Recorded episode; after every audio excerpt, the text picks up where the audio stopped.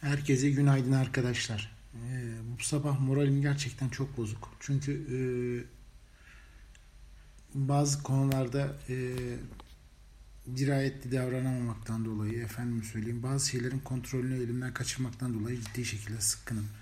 Buna bir de çevremdeki e, karamsar, e, kötümser akımlar, efendime söyleyeyim, e, düşmanca akımların, efendime söyleyeyim, e, hasedin, çekememezliğin eklenmesini e, ekleyecek olursam e, güne çok iyi başladığım söylenemez. Yani e, sabah sabah bir video seyrettim. İşte e, efendime söyleyeyim e, Canan Kaftancıoğlu tutmuş. İşte komutana bin selam diye bir şey söylemiş. Efendim bu komutan kimmiş? Bu komutan gerçekte kimmiş? Şuymuş, buymuş falan filan. Şimdi e, komutan dediği insan efendim göz altında kaybolmuş. E ama aynı zamanda da e, efendime söyleyeyim gazi olaylarında e, efendime söyleyeyim işte eylemcilerin başındaymış falan filan.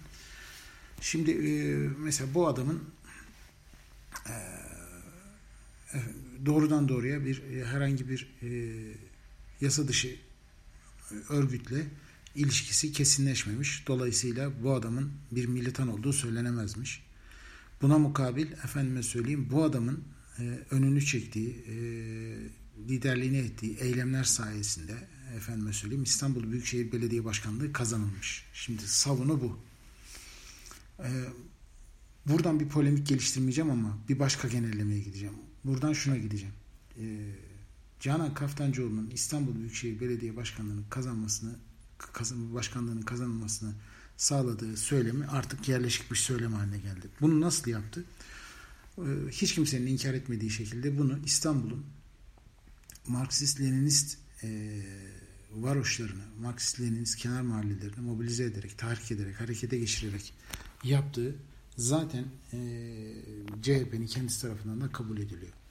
Burada bir başka şey var. Yani burada Canan Kaftancıoğlu kimdir, bilmem kim kimdir, şudur budur değil. Burada esas olan nokta şu.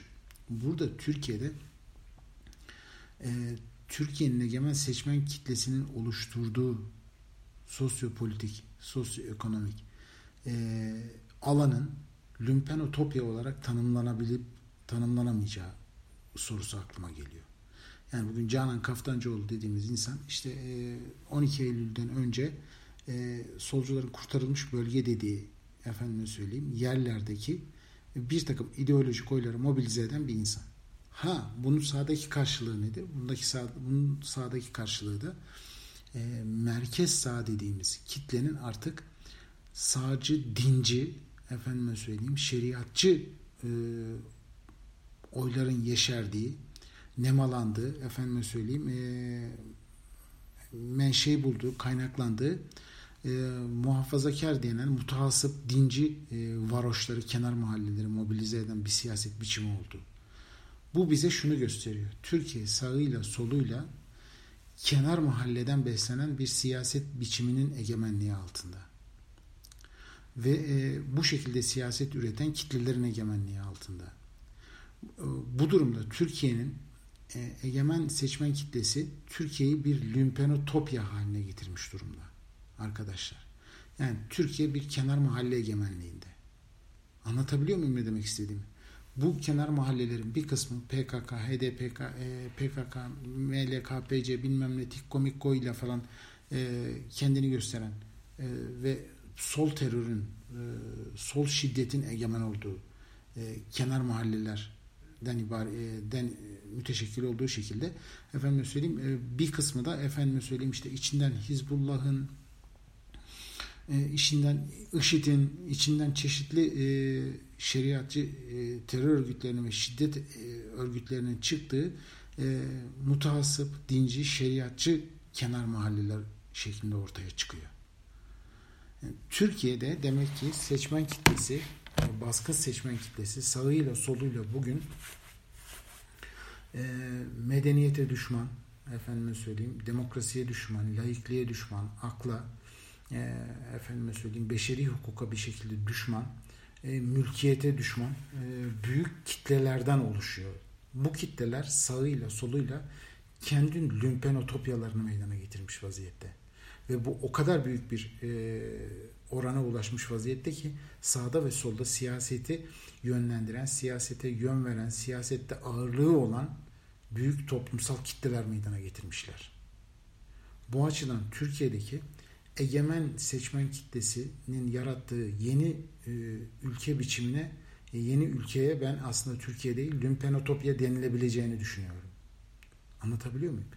Bu lümpenotopyada efendime söyleyeyim kendi e, demografik ağırlığını, kendi nüfus ağırlığını kullanarak Türkiye'de demokrasiyi demografikrasi haline getirdi. Bilmem anlatabiliyor muyum? Şimdi bu, bu hal böyle olunca bütün paradigma, bütün şekil, bütün kavrayış, toplumsal yapı bu şekilde değişince artık Türkiye'de demokrasiyi de demokrasi olarak tartışmak, milli egemenliği de milli egemenlik olarak tartışmak, yükseltmek, geliştirmek mümkün olmuyor.